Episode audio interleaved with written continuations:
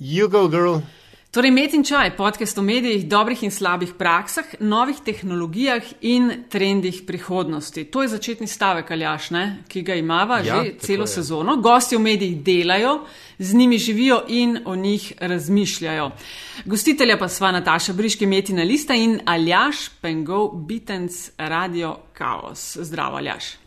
Živijo. Vedno rečemo, da so komentarji in predlogi dobrodošli tudi na Afna Metina lista na Twitterju, kjer sva dosegljiva na Afna Pengovski in Afna DC43 midva, da so komentarji dobrodošli tudi na Facebook strani in e-mail naslovu info metina, info afna, metina lista.si in guess what, Aljaš?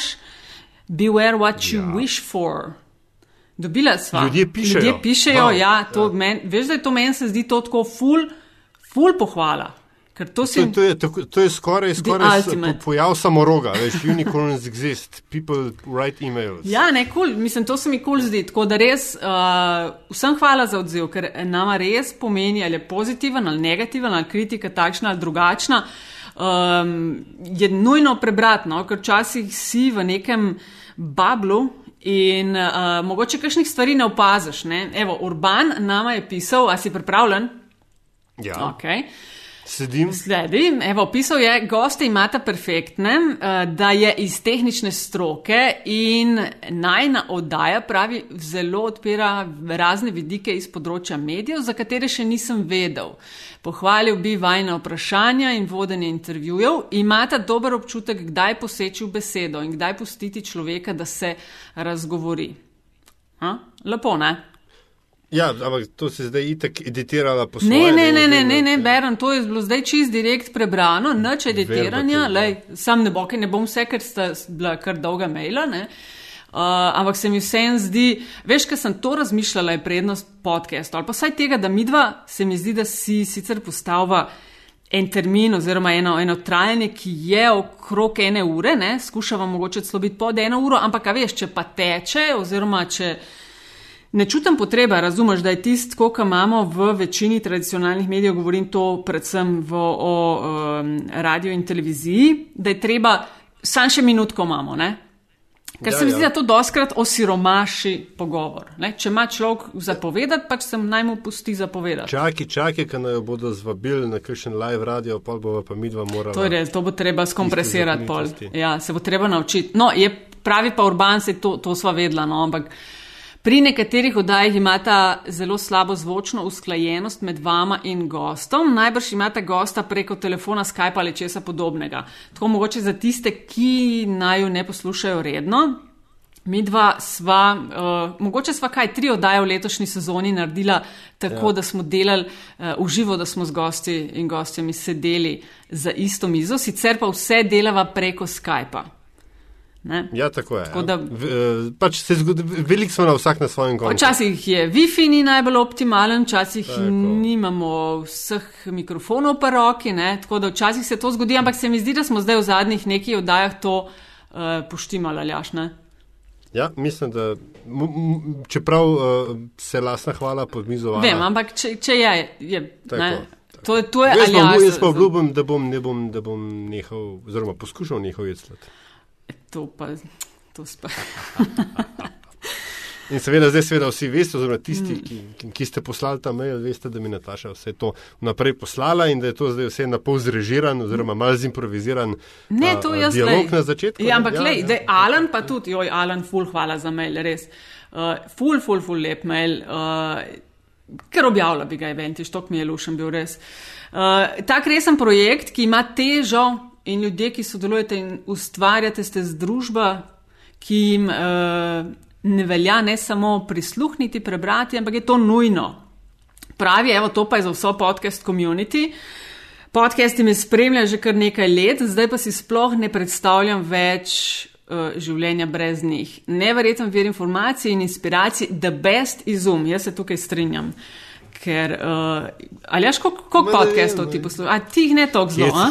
Ne, hecam, hecam, vse je super. Ne, pa koliko jih, poslušaš, no? Veš, mislim, Kjere imaš, a imaš kakšne tako? Ene, ene tri, štiri zelo velike ekonomije. Aha, ok, ti so kul, ja. Priznam, da pač, obvisli, Anžetova produkcija, to, ampak večinoma kampansko, veš, se pa tako okay. ne vem, jih nekaj časa noč, pa se pa vse to naložim, pa gre ne tri dni skozi. Ja, ja, ja, ja. ja. Ker, ker, pač, a veš, um, kako že, things to see, people to do in tako dalje. Uh, in, in pol, in pol, uh, pa, pa še tale naj in projekte, če pol včasih zmanjka časa za, za radosti. Ja. Ne, se... Jaz sem meni pa mal, priznam, zdaj z ameriškimi volitvami mi je šlo mal na slabše, tako da jih imam pa Ja, deset ti pa plus. ne silver, ja, no, ne, ne, jaz jih imam pa priznaj. zdaj res deset plus samo na volitve in uh, tako prav čakam, da grem z avtom kam, da to poslušam. Tako da jaz zelo razumem to odvisnost od podcastov. Uh, no pa zdaj, ko si gli govoril, način, na kjer ga poslušaš, oziroma frekvenca. Ne? Pravi Alan, eh, ko sem sprašvala, glede na to, veš, a, a redno med, a glede na gost ali na kakšen način in kdaj objavljati, ne, uh, se sprašuje, da bi mogoče bili mal pod pritiskom, če bi mogli iskati goste. eh, Nujno, veš, za določen teden. Tako se nam je mogoče zgodil delno s to epizodo. Veš, smo bili že zmenjeni, pa pol naslednji dan, pa je pol padlo, ampak veš, uh, zakaj pod nujno neki najc, če pa se da počakati, se mi zdi, ne, pa je takrat tudi uh, čist fajn. Tako da, Ja, tako. In sploh pa današnja epizoda, tema Yes. ne, njena je um, tako rekoč večna. ja, večna tema, še preden se lotimo, pa sem še to, če se vam zdi kul cool podcasti, debate v medijih, uh, bova zelo vesela tudi, če se na podcast naročite v iTunesih in, in uh, naj jo še bolj poslušate. Uh -huh, um, takole, gremo na epizodo, številka skupaj 86, tretja sezona, take, kater? Uh, čak, da je 30, se mi zdi. 30 že v tej sezoni. Nisem Uh. prepričan, moraš še enkrat prešteti. Ok, pustva. Ampak tu nekje, gledaj, v pol. 3 nič, the big, the big 3 pa to. Yes. Ja. Velik, velik. In super, Season 3, epizoda Alot.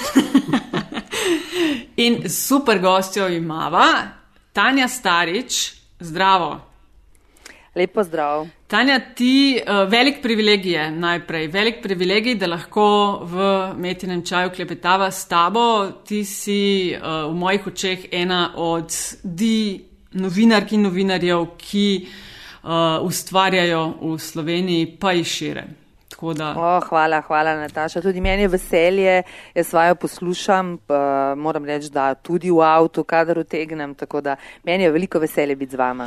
Tanja, vedno začnemo vsako ep- epizodo, vem, da te veliko ljudi zelo dobro pozna, ampak vsem, če mogoče nam v, na kratko malo poveš, kaj vse si v svoji medijski karieri že počela in kje.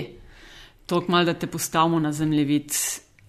Ja, no, to pa je, to pa je predvsej dolga zgodba pravzaprav. Uh, um, torej tako, jaz sem začela na nacionalni televiziji, prišla tja z audicijo, uh, ostala tam. A, čakaj, stop, te lahko malo prekinjamo mes. Ja, Povej, kaj, ja, kakšna, seveda. koliko je audicija izgledala?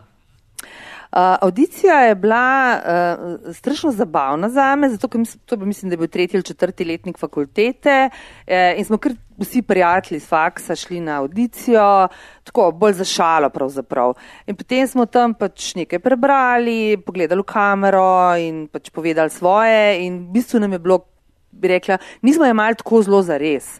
No, in od cele te ekipe nas so nas kar devet takrat sprejeli za honorarne sveda sodelavce in potem smo ime- imeli vaje in čez nekaj časa še eno audicijo in na tej audiciji sem jaz padla, nisem prišla v drugi, v drugi krok izbora. Kaj ni delal? Kaj ni delal? M, Kaj so bile pripombe? Čist natančno pravzaprav niso takrat eh, razložili. Um, ne vem, verjetno dva sta samo prišla v naslednji krok eh, in pač verjetno sta bila takrat tista dva boljša, mogoče bolj zrela, mogoče bolj odrasla. Bila sem malce starejša novinarja oziroma študenta tako. Uh, mislim, da je bil Tomaš Pervič in Mojca Dumančič takrat Aha. prišla v ta drugi krok. No, jaz seveda, um, novinarstvo je moja taka velika ljubezen, bila pravzaprav vse čas, jaz sem celo življenje pač želela biti novinarka in sem ustrajala in moram reči, da so me čez nekaj časa poklicali nazaj. In potem sem prišla kot pomoč, honorarna pomoč za pokrivanje področja zdravstva. In sem tam nekaj časa uh, tudi na tem področju ja. ostala, dokler ni uh, sedanja direktorica televizije Ljerka Bizil, ki je takrat postala urednica, se odločila, da grem na notranjo politiko, na mojo veliko žalost takrat. Evo, to je to. In takrat sem potem ostala. Ok, pa pa naprej iz nacionalke si pa kar imela pestro. No, no, ampak time out, time okay. out, time out, time ja. out.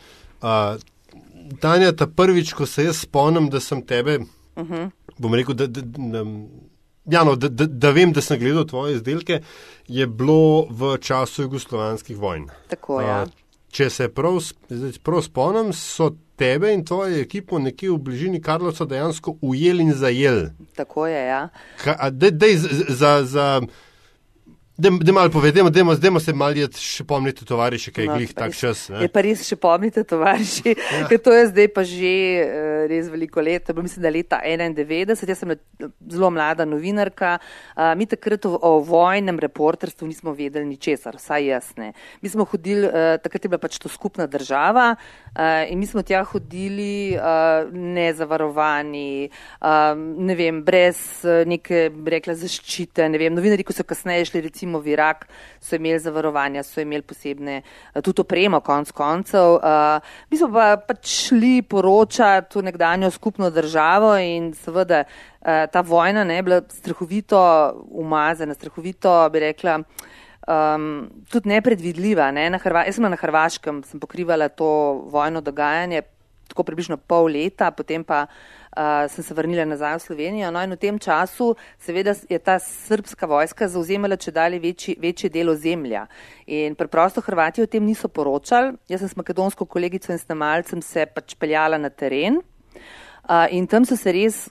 Prav, če gledam z današnjimi očmi, grozljive stvari dogajale, zato ker mi preprosto nismo vedeli, da smo prestopili na drugo stran.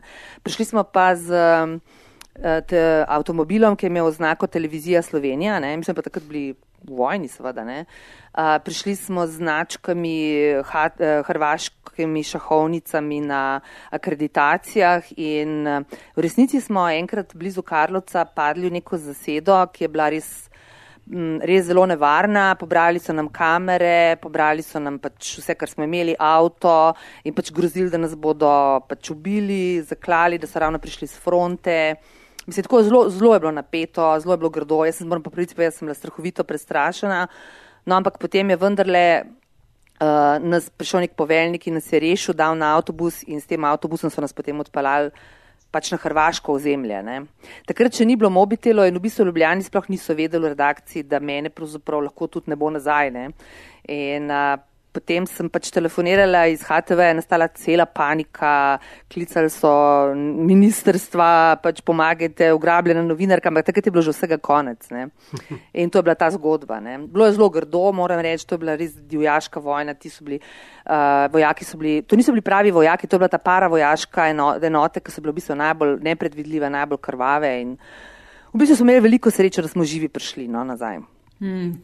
Ja, leto 91 je bilo v bistvu zelo, zelo posebno zate. Ne? Slovenka leta ja. si tudi postala tistega, ja. sem jaz to prav našla, to informacijo. Ne?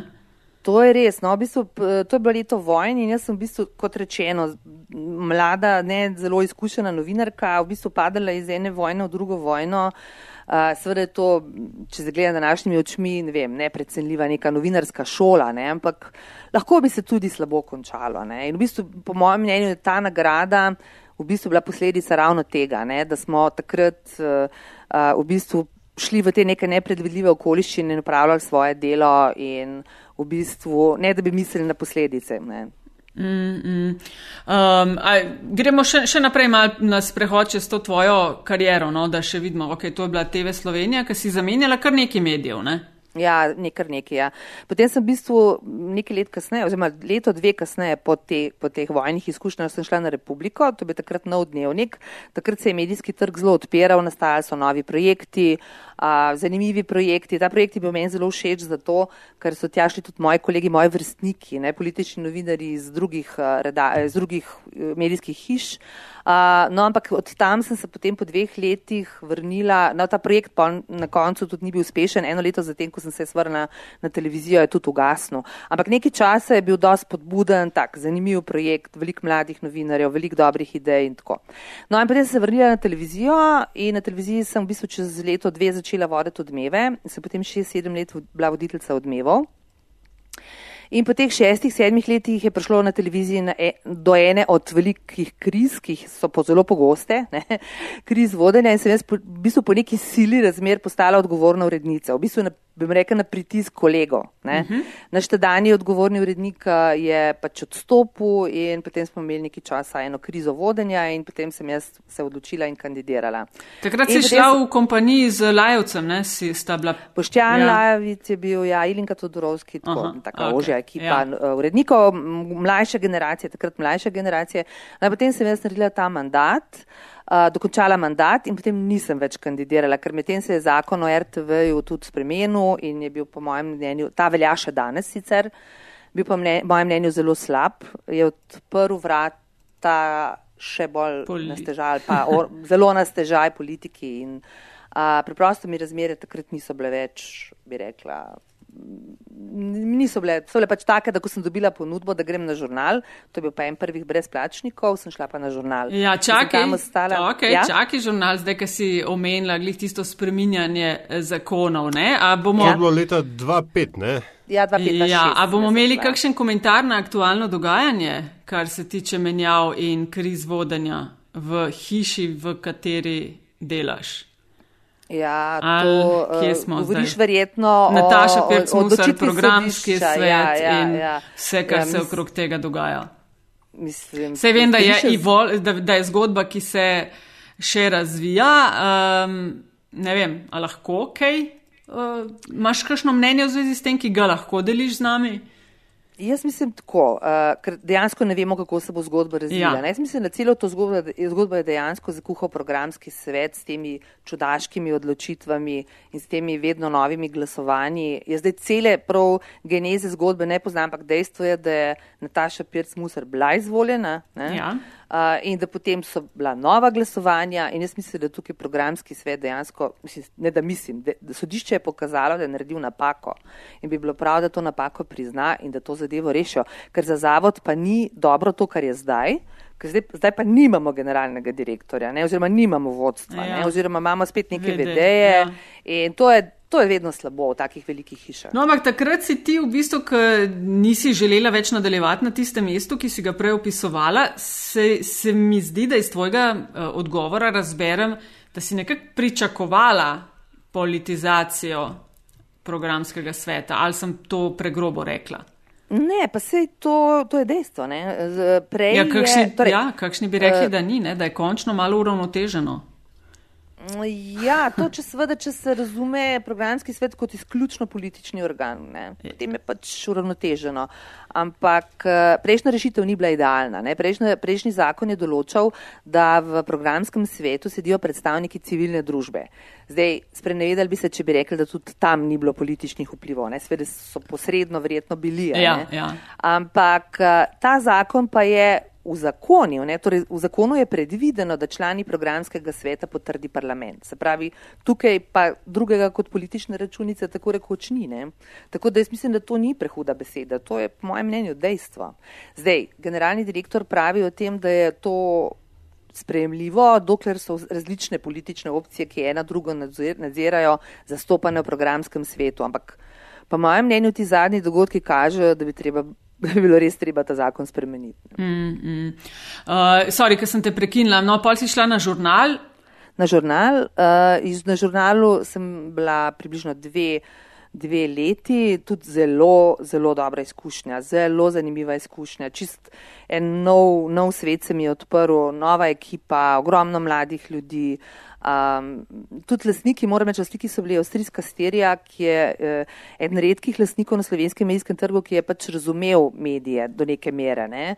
In je, so bila neka pravila postavljena dosti jasno zame, ker sem prišla iz uh, javnega sektorja.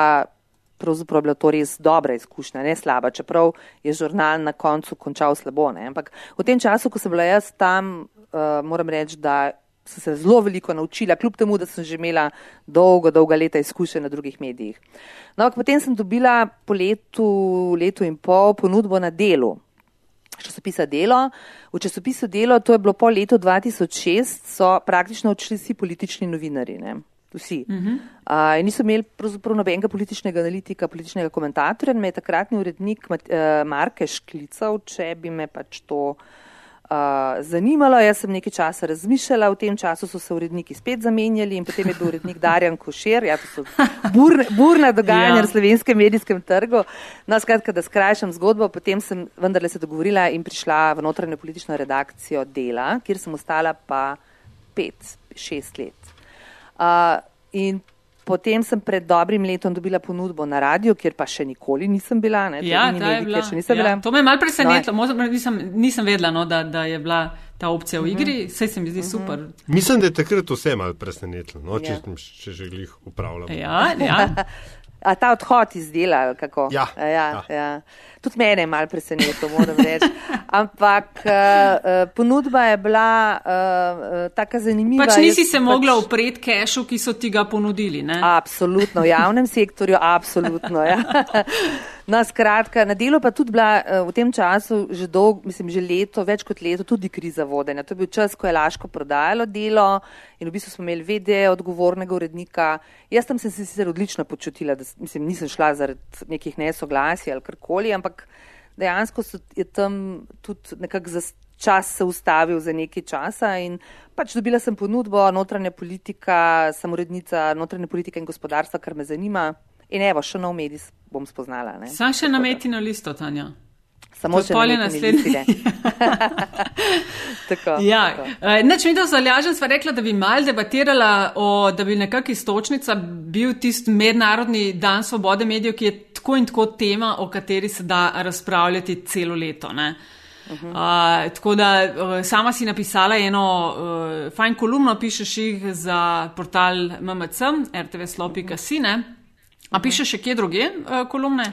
Ali, ne, pišem, to je to, ne? pišem samo, samo na ja, no, o tem ja. si nekaj tudi uh, pisala, kako uh, naš posel doživlja kup sprememb in povej mogoče za začetek, kako se je tebe vse skupaj. Ti ne samo, da si zamenjala različne medije ne, in da si v teh nekih kriznih časih in da si 25 let Slovenije, kolikor Slovenija je, si, a veš, dala iz prve vrste, tako rekoč medijske, vse to čez. Kako se konkretno so se te spremembe, ki jih mi doživljamo, dotaknile tebe? Se, kaj se te pozna, da je drugač danes, kot je bilo 10, 20, 30 let nazaj? Ja, to je pravzaprav težko zdaj zgoščeno povedati, ker je to, toliko različnih stvari. Ne toliko različnih stvari se je zgodilo. Mislim, novinarstvo pred takrat ali pa novinarstvo danes je uh, uh, absolutno drugačno. Pa zdaj ne govorim o dobrih zgodbah, ki so jih novinari takrat pisali in jih pišejo zdaj, ne? ampak vse drugo se je pravzaprav spremenilo. Ne? To je bilo 25 let tranzicije, zlasti lastniške tranzicije medijev. Ne? In to je bil divji zahod. Ne? To je bilo uh, v bistvu boj za vpliv, tako kot je recimo javni medij v neprestano tarča političnih apetitov, ne? tako so bili zasebni mediji tarča apetitov in so še vedno ne? apetitov pač različnih lastnikov, ki so razumeli medije ne kot medije, njihovo neko družbeno odgovornost ne, ali pa javni pomen v javnosti pa kot neko njihov plen. Plen za to, da bi pač uveljavili neko moč proti politiki in za svoje načrte. In seveda, to je pustilo ene tako usodne posledice v medijih, da po mojem mnenju jih je pravzaprav ne mogoče popraviti, še posebej zato, ker med tem prišlo pa še do digitalne revolucije, skratka, mediji se spreminjajo pa vsod po svetu. Uh, zdaj, slovenski mediji seveda temu niso sledili. Zato, ker v bistvu so se ukvarjali z drugimi zadevami lastniki. Ne? Ukvarjali so se s tem, da so delnice prenašali, da so pošte nabiralnike odpirali in, in zato pravzaprav smo zdaj v tej situaciji, v kateri smo. In še tretja dimenzija je ta, da je v bistvu novinarstvo kot, vem kaj bi tem rekla, stan, novine, novinarska skupnost razpadla in to se mi zdi pa najbolj tragično, da se je to zgodilo. Kaj to, da je malo razlož, kaj imaš ja, s tem v mislih, ja, da je novinarska Tako, ja. skupnost razpadla? Kaj te boli? Uh, to sem napisala tudi v, ja? v tej kolumni. Ne? Zadnja akcija, skupna, pa še ta ni bila skupna, je bila leta 2004, ne? zdaj smo pa 2016. Zdaj, če smo zelo realni, ne, nič se ne more zgoditi uh, v Sloveniji hudega nekemu mediju, kar bi lahko mobilizirali vse novinarje, da bi bili pripravljeni stopiti skupaj in dvigati svoj glas. Nič. Ne. To kaže primer dela. Tudi masovna odpuščanja niso razlog za to, da bi novinari stopili skupaj in ne vem, manifestirali neko akcijo. Niti politični pritiski na RTV, nič. Takega se več ne more zgoditi. In to je seveda slabo, zato ker v bistvu novinarstvo nima več te moči, ki, ki ga je imelo, kar je pa najhuje, medtem je izgubilo glavnega zaveznika javnost. Ne? Javnost z medsebojnimi spori, z, tudi slabimi mediji, ki so nastali pa slabim novinarstvom, s diskreditacijo strani politike. Takrat smo mediji in novinari izgubili uh, glavnega zaveznika, torej javnost in tudi javnost ni več pripravljena dvigniti glasu za to, da bi pač novinarstvo, neko spodobno novinarstvo v Sloveniji ostalo. Um, mogoče to je v bistvu zelo dober, mislim, dobra istočnica za naprej, ne? ker uh, dve stvari. Prvič, tvoj, ta tvoja trditev uh, um, predpostavlja, da je novinarstvo ta vpliv imelo. Uh -huh. uh, in drugo, zdaj, če se postavim v vlogo hudičega odvetnika, uh -huh. uh, ta vpliv naj bi imelo v času, ko naj bi bilo, kvot in kvot, dosti bolj, da rečem, zlizano s politiko. Uh -huh. Pa da je vam mogoče uh, to mojo trditev zdaj od zadnje vzeti. Koliko je bilo prepletanja politike pa novinarstva v prvih desetih letih samostojne države. Pa sem zdaj ar arbitrarno, da sem rok določil, samo zato, da lahko vprašam. Evo. Ja, ja, ja. Um, ne, absolutno to povezovanje je bilo ne, med politiko in novinarstvom. Uh, absolutno tudi posegi politike so bili, ampak mogoče treba še mečkan nazaj pogledati, ne še kako leto nazaj. Ne. Uh, v času slovenske pomladi je v bistvu novinarstvo, oziroma mediji, najprej mladina, pa radio študent, pa potem Telex delo in, in vsa ta novinarska generacija, ki sicer zdaj več ni, uh, je v bistvu odpirala nek prostor svobode. Ne? In uh, novinarstvo ne, je bilo navajeno na to, da je tisto, ki odpira te prostore, ki, nema, ki nima ust, ki ne more, ne more uh, politika ali pa oblast ustaviti, ki je vedno opozicija oblasti. Ne? In potem prva leta demokracije ne, so bile dejansko šok, ne, ker se je pokazalo, da je pač prišla nova politika, da je več strank v državi, ampak da v bistvu ravno tako razumejo novinarstvo in medije, kot, ali pa ne ravno tako, ampak ravno tako si želijo podrediti oziroma želijo dobiti uh, pač tudi novinarjev z nekako svojo, pod svoj vpliv. Ne. Tako da ta vpliv je dejansko bil, ampak novinari so v prvih letih vendarle še imeli, bi rekla, ta, uh, ta občutek ne, ali pa to. Uh, ne znam, ne znam prave besede najti, ne pač željo ali pa zahtevo, ne potem, da so to, kar so recimo v 80-ih letih ali pa konc 80-ih let bili. Potem se je pa to pač spreminjalo, se spravljalo, prišlo je do lesniških sprememb, prišlo je do novih medijev, večje kompetitivnosti, takrat so bila zlata leta, se je na veliko zaposlovalo, v bistvu se tudi ni gledalo, to je treba samo kritično povedati, na kvaliteto. Ne? Novinarska kvaliteta, po mojem mnenju, s to kvantiteto ni nič naraščala.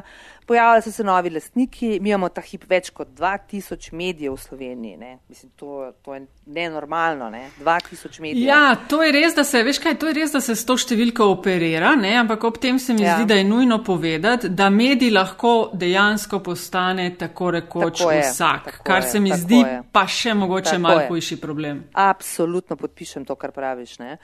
In, uh, skratka, in tako so se stvari začele spremenjati. Pa so bila ta grozljiva leta teh tranzicijskih premetavanj, lastniških kupovanj pod mizo nad mizo, in potem se je pa zgodilo to, kar se je zgodilo zdaj. Zdaj pa mediji lastnike imajo, ampak so na to, kar se je zgodilo, na to revolucijo popolnoma nepripravljeni. Ne? In vmes se je pa dogajalo še to, da v bistvu so se mladim generacijam če dalje bolj zapirala vrata, tam so cele generacije v prekarnih delovnih razmerjih, se pravi, teh negotovih oblikah uh, dela in potem je nastala, zdaj v ta hip, po mojem mnenju, je tudi če um, ene vrste generacijska vojna. Ne, med temi mlajšimi generacijami, ki zamerijo starejšim generacijam, češ, ne, so pač v svoji udobni poziciji preživeli vseh teh 20 let. In evo, to je to, kar imamo zdaj. Ne, vse splošni kanibalizem ne, in to je pač slabo. Ampak moram povedati, ja. da ne želim, ne želim biti pesimist. Jaz sploh nisem pesimist, ne, ampak stanje, ki je zdaj, res ni dobro. Ne. Jaz mislim, da mi bojo kolegi ki delajo vsaj v teh medijih, v katerih sem jaz bila, pač morali pretrditi, da je res tako.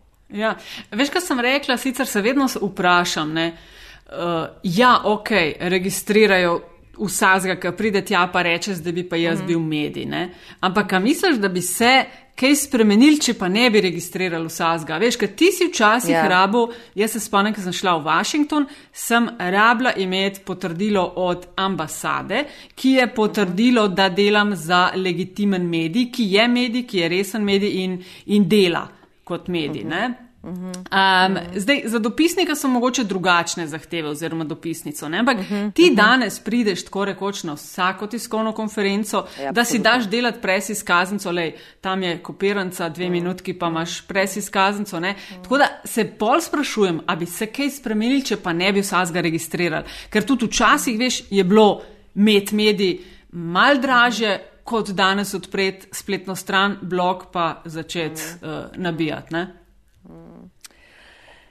Ne vem, uh, težko mi bi rekla, kakšno omejitve bi to morali biti, ker te debate tečejo ja, že 20 vem, let, ja. ne? recimo debate o licencah. Ne? Ampak dobro, kdo bo v Sloveniji podeljeval? Ja, licence? točno to. Ja. Ministrstvo. Ja, ja, kdorkoli bo veš, da bo štala. Ne? Ne? Ja, Absolutno. Ne? In preprosto nismo našli, evo, nismo našli odgovora na to, kako omejiti oziroma kako postaviti više kriterije. Ne omejiti, ampak postaviti više kriterije. Pač, Uh, ni vsak medij, medij, ni vsak novinar, novinar. No? Ja, jaz tako. tudi mislim tako. Ne? Sam ne vem, če se, če se da to v kakšni obliki vem, regulirati. Veš. Pa tudi ja. se pol vrnem k temu tvojemu, ja. ki govoriš, kako se stanje slabša in hkrati kakšna je vloga medijev v družbi. Ne? Mhm. Se pa pol, če mal zgodovinsko skušam pogledati, ne? se mediji so skozi zgodovino v bistvu redko stali sami zase, bolj so bili v mm. rokah politike, bolj so bili v rokah enih korporacij, ki so na ta mm. način forsirale svoje mnenja, poglede in podobno. Ne. Mislim, tisti, ki je dal denar, ki je to omogočal, je povedal več ali manj, kako bo. Ne. Mm. Sej to drži, ne? ampak jaz vseeno, uh, recimo tudi če gledaš ne, ameriške novinarje, ne? kljub, kljub tej krizi, kljub tem masovnim odpuščanjem in tako, ne? neki, neki minimalni, rekla, jaz temu rečem, najmanjši skupni imenovalec nekoga, ki je novinar. Ne? Mi niti tega nimamo. Niti, A ja se ti zdi, da to stoni? Ja, moj občutek je absolutno tak. Ne? Kaj je naš najmanjši skupni imenovalec? Ne? In če tega ne veš, potem tudi ne moreš zahtevati nek dostojen odnos do samega sebe in do svojega poklica. Ne? Potem pač sabo lahko pometa vsak in ne vem, vsak četrtek prenese brez kakšnega utemelitve, ne vem, petim ljudem odpoved in pač reče, ja, ne, pač tako je. Ne? Tako da to, to, to je tisto, kar meni se zdi strahovito slabo, ne? da smo sami novinari s tem med, tudi s temi medsebojnimi spopadi in s tem pristajanjem na stanje stvari uh, sami sebi največjo škodo naredili. Ne? In da mrz kdo razmišlja, ja, se odhajajo samo slabi najslabši. To ni res, ne? to ni čisto res. Odhajajo tudi dobri, odhajajo pač. Uh, v množicah, ki jih ta hip še ne znamo prešteti. In bomo, po mojem, šele čez leta videli, kaj se je pravzaprav slovenskemu novinarstvu zgodilo. Ne. A pa je mogoče problem v tem, pardon, um, da je slovenski medijski prostor, ne, uh -huh. krajina, tako zelo mehna. Vendar le pač, ok, imamo 2000 medijev, recimo, ne, nominalno, ampak v resnici je tako zelo malo opcij, kamor lahko gre, pa jih je bilo že malo v dobrem času. Zdaj, viš, pa, pa recimo tvoj, tvoj primer je, je svetav, ne? je, je nekaj, kar se je, je dobro dogajalo, ampak, ja. ampak, ampak, ampak hočem reči, že ti si naredila cel krok in pristala v hiši, kjer si začela. Absolutno. Zdaj pa, zdaj pa, kam ne pa, eh, hočem, sem to še ne, veš, mogoče na koncu pa pridemo do tega, da se pa en, en uh, novinar mlajše generacije, ki morda vendarle razmišlja, da pa bi delal kariero v tem biznisu v Sloveniji, se se sploh ne sme nobenemu zameriti. Ja, ja, to drži. To drži. Še huje je, ne, ta, prav ta najmlajša generacija. Ta najmlajša generacija, recimo RTV, je v bistvu zelo, bi rekla, dovolj prijazna do mlajših kolegov vendarle bila, kljub temu, da so tudi bili v prekarnih razmerih, ampak vendarle je recimo do neke mere spoštovala pogodbe in bi plačevala pač to, kar, je, kar se je zavezala zdaj v tem prvem valu, ne, po teh inšpekcijskih pregledih je tudi zaposlila več kot sto ljudi. Tako da RTV se mi zdi, da tukaj vendarle bil celo nekoliko bolj dostojen od drugih uh, medijev. Ne? Ampak kaj se je zgodilo? Zdaj so te dolgoletne honorarce zaposlili, s tem pa seveda so se zdaj zaprla vrata pa za te najmlajše, te, ki prihajajo z fakultet, ki rabijo svojih nekaj toliko in toliko časa, da se bodo naučili pač obrti ne? in postali čez, ne vem, pet, šest let in, ali več let komentatorji in preiskovalni novinari. Tega praktično ni, ne? mi nimamo mladih ljudi, ne? to je problem. Tako da ja, seveda se ne smejo zameriti, pa tudi po moje ni veliko vrat, na katere bi lahko ta hip potrkali. Ne? Jaz ne vem, če so na delu ob tem odpuščanju kaj veliko novinarjev zaposlili. Jaz mislim, da je ne, ne. Jaz ne vem za nikogar. Ne? Mm. V tej kolumni si tudi zapisala, da so pač tradicionalne medije presenetile tehnološke spremembe, da je to v kombinaciji z netransparentnim in plenilskim lastninjenjem pripeljalo do pač zelo slabih rezultatov ali pa do tega stanja, v katerem slovensko, slovenski mediji danes so. Si pa tudi omenila, da tradicionalni mediji izgubljajo mlajše poslušalce, gledalce, bravce. Kaj delate vi na Radiu Slovenija, da bi bilo drugače, ker predvidevam, da se zavedate, vsaj v enem od prejšnjih epizod sva zalažem o tem govorila, namreč raziskava, s katero so ugotavljali, kaj ljudje eh, gledajo, berejo, ne, je pokazala, da mlajših nekak ni se zgubljajo. Ne? Kaj delate vi, da bi bilo drugače? No, sej, eh, jaz sem se prav na ta podatek sklicevala. Ne mislim, da je to valiko narediti ja. raziskavo. Zdaj ob tej razpravi o novi medijski zakonodaji, kjer se je pokazalo, da tradicionalni mediji absolutno nimajo več ne vem, občinstva ne, pod 30 let. Vsi, televizije, radio, ja, ja. zapisi. To je, to je zastrašujoč podatek. Izgubili smo jih, ne, odšli so, ni jih. Ne. Je, tako da v bistvu je to izziv za vse te večje medijske hiše, uh, kaj narediti. Ne. Seveda, zdaj, radio je v bistvu del RTV in tukaj v bistvu prihodnost lahko samo v povezovanju, ne. se pravi neke vrste multimedijski platformi, televizije, radio in interneta. To je ta velika želja, da bi se preselili tudi fizično na eno mesto in potem ustvarjali pač programe na različnih platformah in združili sile na nek način. Ja, kaj se zdaj s tem dogaja? Kaj... Zdaj se ne dogaja nič. Ne? Zdaj spet stoji. S tem, kdo je generalni direktor Aha, okay. RTV. Ja. ja, in potem pohodi in potem so kave in, in prišepetovanje in kdo. Zdaj ja, se spet ne ve, kdo bo kje ali kako. Uh, ja, mislim, da zaenkrat je treba videti, kdo je sploh generalni direktor. Da, če prav razumem, po današnji seji programskega sveta ni nihče, ne? je Marko Fili uh, ja, vede, ne, spet sej. vršilec dožnosti in bo spet nov razpis in se bo ta krok zavrtel zdaj spet še enkrat. Se boš prijavila? Ja, absolutno. Kaj ne, zakaj ne, Tanja? Ja, tudi, sem, mislim, da sem razumela, da si rekla, da se boš ti prijavila. Ne, ne. ne, ne, ne. ne.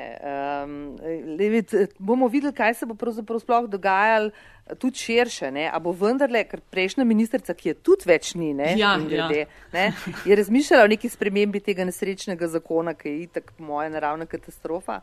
Tako da bomo videli, ne, kaj se bo dogajalo v tem našem javnem zavodu. Ampak jaz sumem, da veliko kandidatov za to mesto ne bo. Ne. Misliš, zaradi tega, ker je uh, ravno mogoče zaradi sestave in programskega sveta in politizacije ja, jaz, in poskusa vplivanja.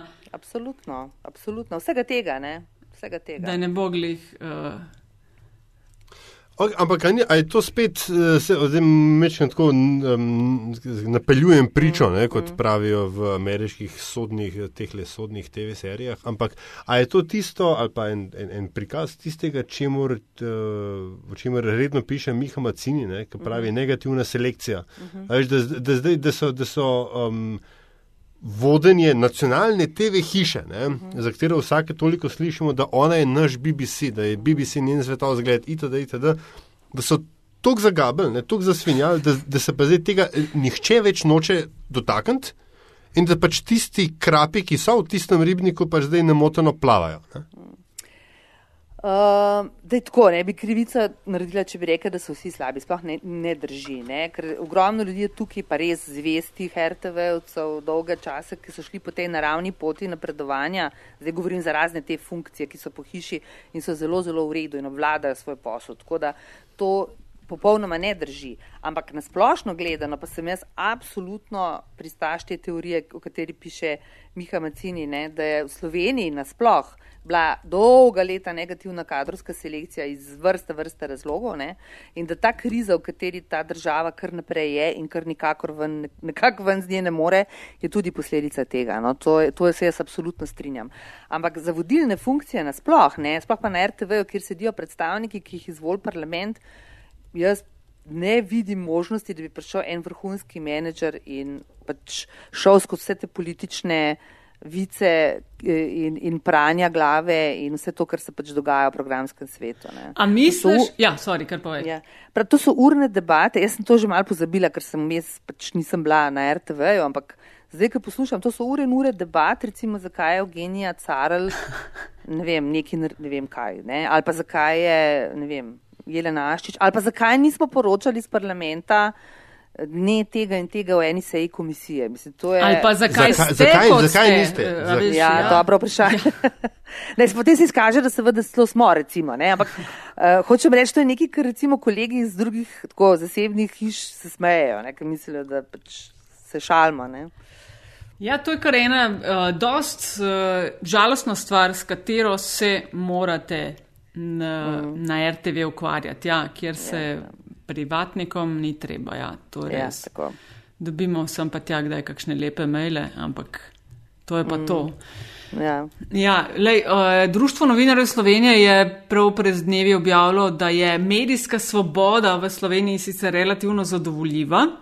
Um, po, to ponazarjajo umestitve države na, na različnih lestvicah, ki merijo to medijsko svobodo. Uh, po meritvah novinarjev brez meja je Slovenija na 40. mestu med 180 državami. Mislim, da smo mal nazadovali glede tega. Uh, Freedom House nas uvršča na 19. mesto v Evropi. Um, jaz moram reči, da nimam pregleda. Ali ja, še se jaz prav spomnim, si ti enkrat delal en. en podoben pregled. Ne? Sem se zmotila. Ja, prav, prav, ne, prav letos sem za Freedom House, uh, ko se temu reče, bil in country. Na 19. mesto si nas dal, pacak. Ne, jaz ne. Jaz ne. Prvo mesto. Jaz, jaz, jaz, jaz, sem, jaz sem samo izpolnil en relativno detajlen. Vprašalnik, kjer ni zelo veliko možnosti za, bom rekel, manevriranje in kakršno koli prilagajanje. Ne? So zelo, zelo natančno vprašanje. Tam, ka, recimo, povej malo, kakšno vprašanje, če lahko. Ja, ja ne, ne, ni problem. Um, recimo, vprašanje je bilo, ali je v Sloveniji. Pač so izvajani politični pritiski. Ne? In potem je bilo za vsako tako vprašanje taksativno našteto, kaj konstituira kot politični pritisk. Od, uh, ne vem, to, kar ne vem, poznamo iz Kazahstana, okay. ne, kjer, veš, um, se take stvari dogajajo. To je bil ultimativni politični pritisk, kdo pač um, tega, da politika vpliva na sestavo, na sestavo uh, upravljanja oziroma upravljavskih teles javnih uh, radio-TV. In tle smo dobili 100 točk. In, ne, veš, pač, kle, kle, nekaj, nekaj točk gotovo, ja, ja. ampak recimo, veš, tisto, kar je bilo mogoče fokus od la, prejšnjih let, ne, je v bistvu že to, kar je Tanja tudi zdaj uh, uh, govorila že vse čas, ne, uh, izkazalo se je, potem, ker veš, odgovarjaš na vprašanje, potem pa v bistvu oni naredijo si že, si že vsega skupaj in se tudi pogovorijo s tabo. Zakaj misliš, da je kaj tako dalje? Tako pač e, en tak, en, en, en trikraten, trikraten preverka in trikratna preverka. Ne? Vrata bo ni, treba na ojit, kdo?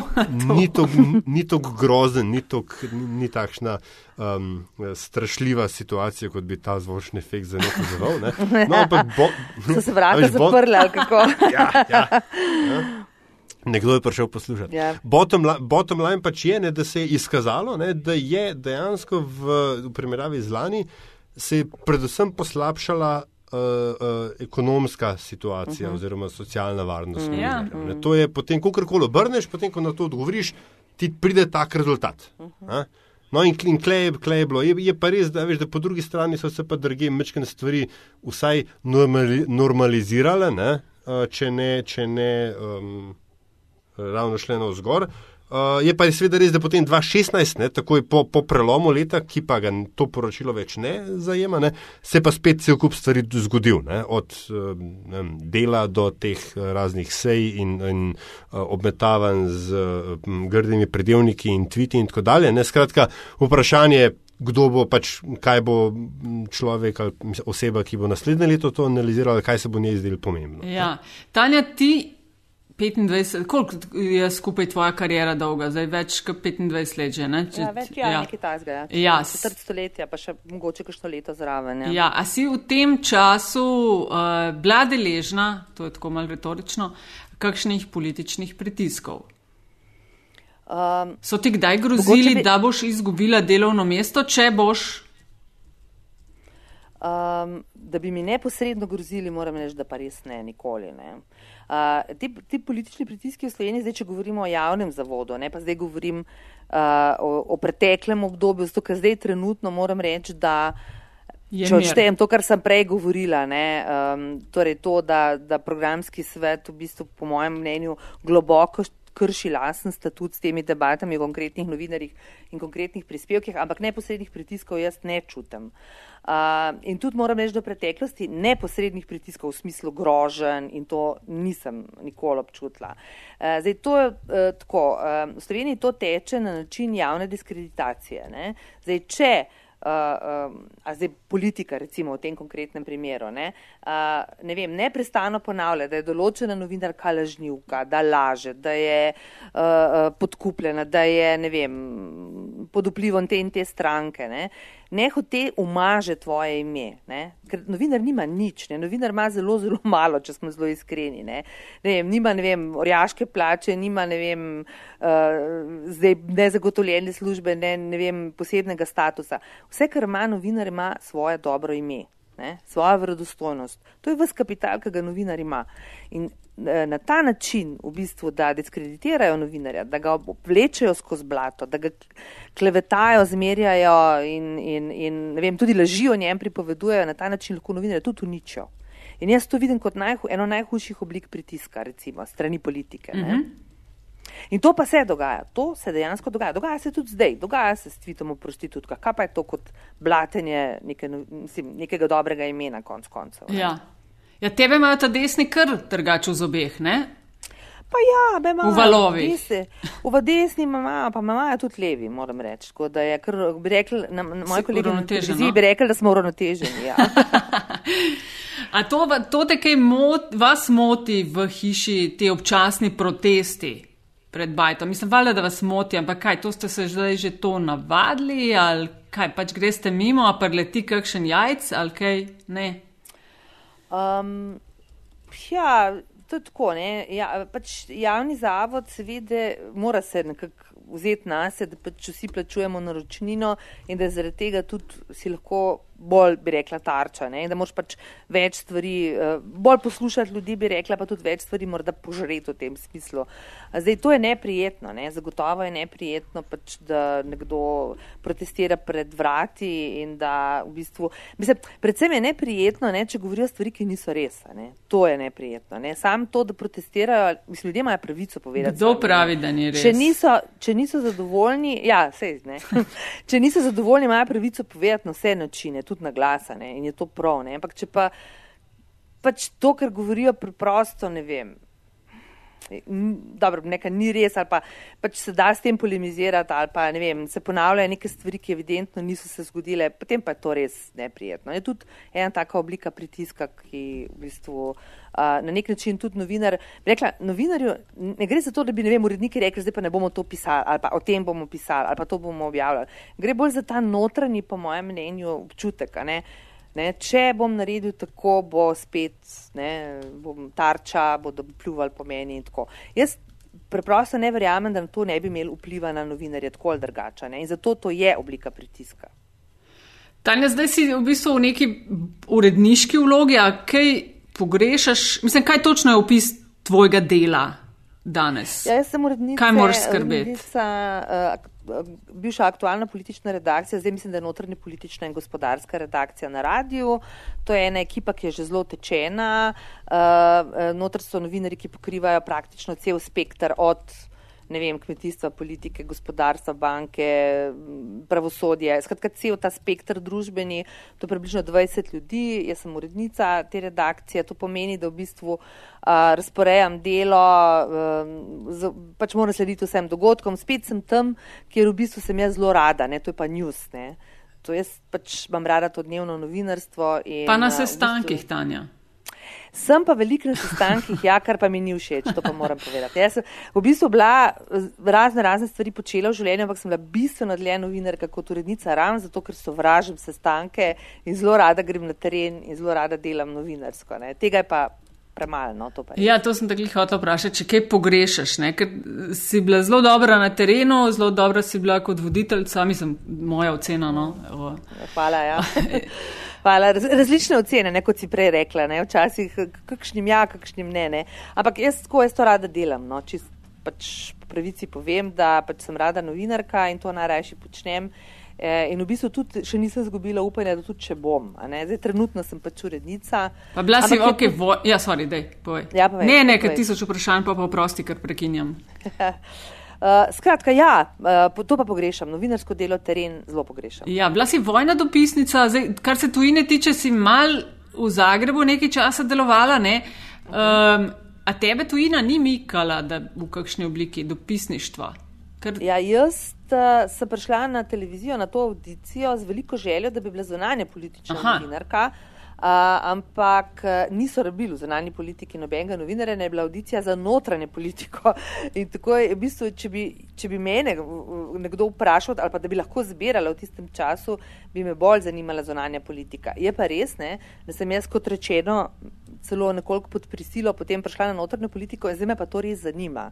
Tako da zdaj mi ni to več težko uh, v bistvu uh, biti zamejen, ne, ker slovenska politika vendarle je na nek način omejena, ne, pač se obračajo, neki vzorci se obračajo vse čas, ampak vendarle je to zdaj tako prepleteno. Ne.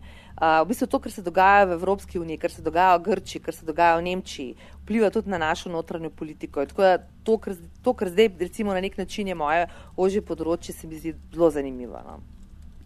Ja, povedala si mal kaj, uh, pač spoznaš se na to sceno, zdaj pa poskus povedati mal, kaj se bo dogajalo v naslednjih letih v notranji politiki, a se da. Za, za medije se mi zdi, da sem dobila občutek, da nisi na, ravno najbolj optimistična, se ne da bi jaz zelo bila, uh -huh. ne, glede na stanje, kakšno je, ali jaš je verjetno mal bolj, ne, ali jaš. Uh, ok, v redu. Glej, ja, ne vem. ja. Ne, sej, I'm taking uh, the fifth. Uh, jaz mislim, da je tako, dobro novinarstvo, dobre zgodbe, to bo preživelo. Ne. Jaz to nisem pesimist, ne. ampak uh, ti mediji, ki zdaj obstajajo, se verjetno morajo čez neko rekla, obdobje očiščenja, samo trendi ne grejo v tisto smer, ki bi, po mojem mnenju, spodbujali to dobro novinarstvo, zato sem zaskrbljena. Ne. Drugač pa nisem pesimist, ne. tudi nisem želela s tem tekstom uh, zelo eno črno sliko na prihodnosti naslikati in jaz verjamem, da bo dobro novinarstvo tudi v Sloveniji preživelo. Ne. A, kar se politike tiče, pa ne, ali še ti tudi spremljaš? Ne? Ja, lej, mislim. Kje bomo? Predvsem, predvsem, da vem spet mislim, da smo več v situaciji, ko, ko ne gre za to, da bi, ful, da bi bilo ful nekih opcij na, mm. možnih, ampak ne zato, ker a, a, nihče ne bi hotel, ampak enostavno zato, ker smo toliko iteracij že dali skozi, mm. da zdaj. Zdaj pa res počasi malo že zmanjkuje. Zmanjkuje, ne, zmanjkuje opcij, se strinjam. Ja. Ja. Jaz mislim, da je dosti nepredvidljivo, da je zelo odvisno od tega, kar se bo dogajalo tudi druge, ne, ne na zadnje tudi, eh, ne, Nataša, tudi tvoje področje. Amerika. Tudi, tudi ameriške volitve. Eh, zdaj vemo, da se v Evropi trendi obračajo na desno. Eh, zdaj v Sloveniji so tam neki premiki, bomo videli. Ne. Jaz mislim, da je zelo nepredvidljivo ta hip, kaj se bo dogajalo. Kaže, da bo ta vlada končala mandat, če se ne bo koalicija v zadnjem letu razvijala. Eh, razsula, ne, če ne bodo socialni demokrati dobili preveč zaleta s temi, ne, uh -huh, s temi uh -huh. Mhm. podporo, ki jo zdaj imajo, ne, zdaj so že prihteli uh, stranko modernega centra. Tako da mislim, da kako leto še imamo čas, da vdihnemo vsi globoko in potem bomo v bistvu lažje videli in predvideli, kaj se bo dogajalo. Ok, te pokličeva pol še kasneje, da malo. Ja, velja, ni problema. A, gremo na zanimivost, ali až? Ja, prosim, lepo. To je bilo sicer ena ura zanimivo. Ja, ja, ja, se vem, to super. Ampak je ja, mogoče evo, treba ne. najti drugo um, besedo za to, s čimer Tanja končujemo podcast Met in čaj in to pa je, da vsakega gosta oziroma gostjo vprašamo po neki zanimivosti ali anegdoti ali nečim, kar se dogaja eh, v ozadju tistega, kar počne profesionalno ali pa sploh, da gre za nekaj, kar recimo ocenjuješ, da ne ve veliko ljudi. Pa bi utegnilo ljudi zanimati. Skratka, en tak, uh, tell me something we don't know. Joj, Se vem, ja, sam ne reč, ni težko, vprašanje. preveč imaš zanimivosti, ni težko vprašanje to. Lepo moje, po vsakem tednu znaš kaj takega povedati. Ja, verjetno res, ampak potem pozabim. Vem, Zdaj morala po moje pisati te stvari, ki so se mi dogajale, ker vidim, da se pozabim.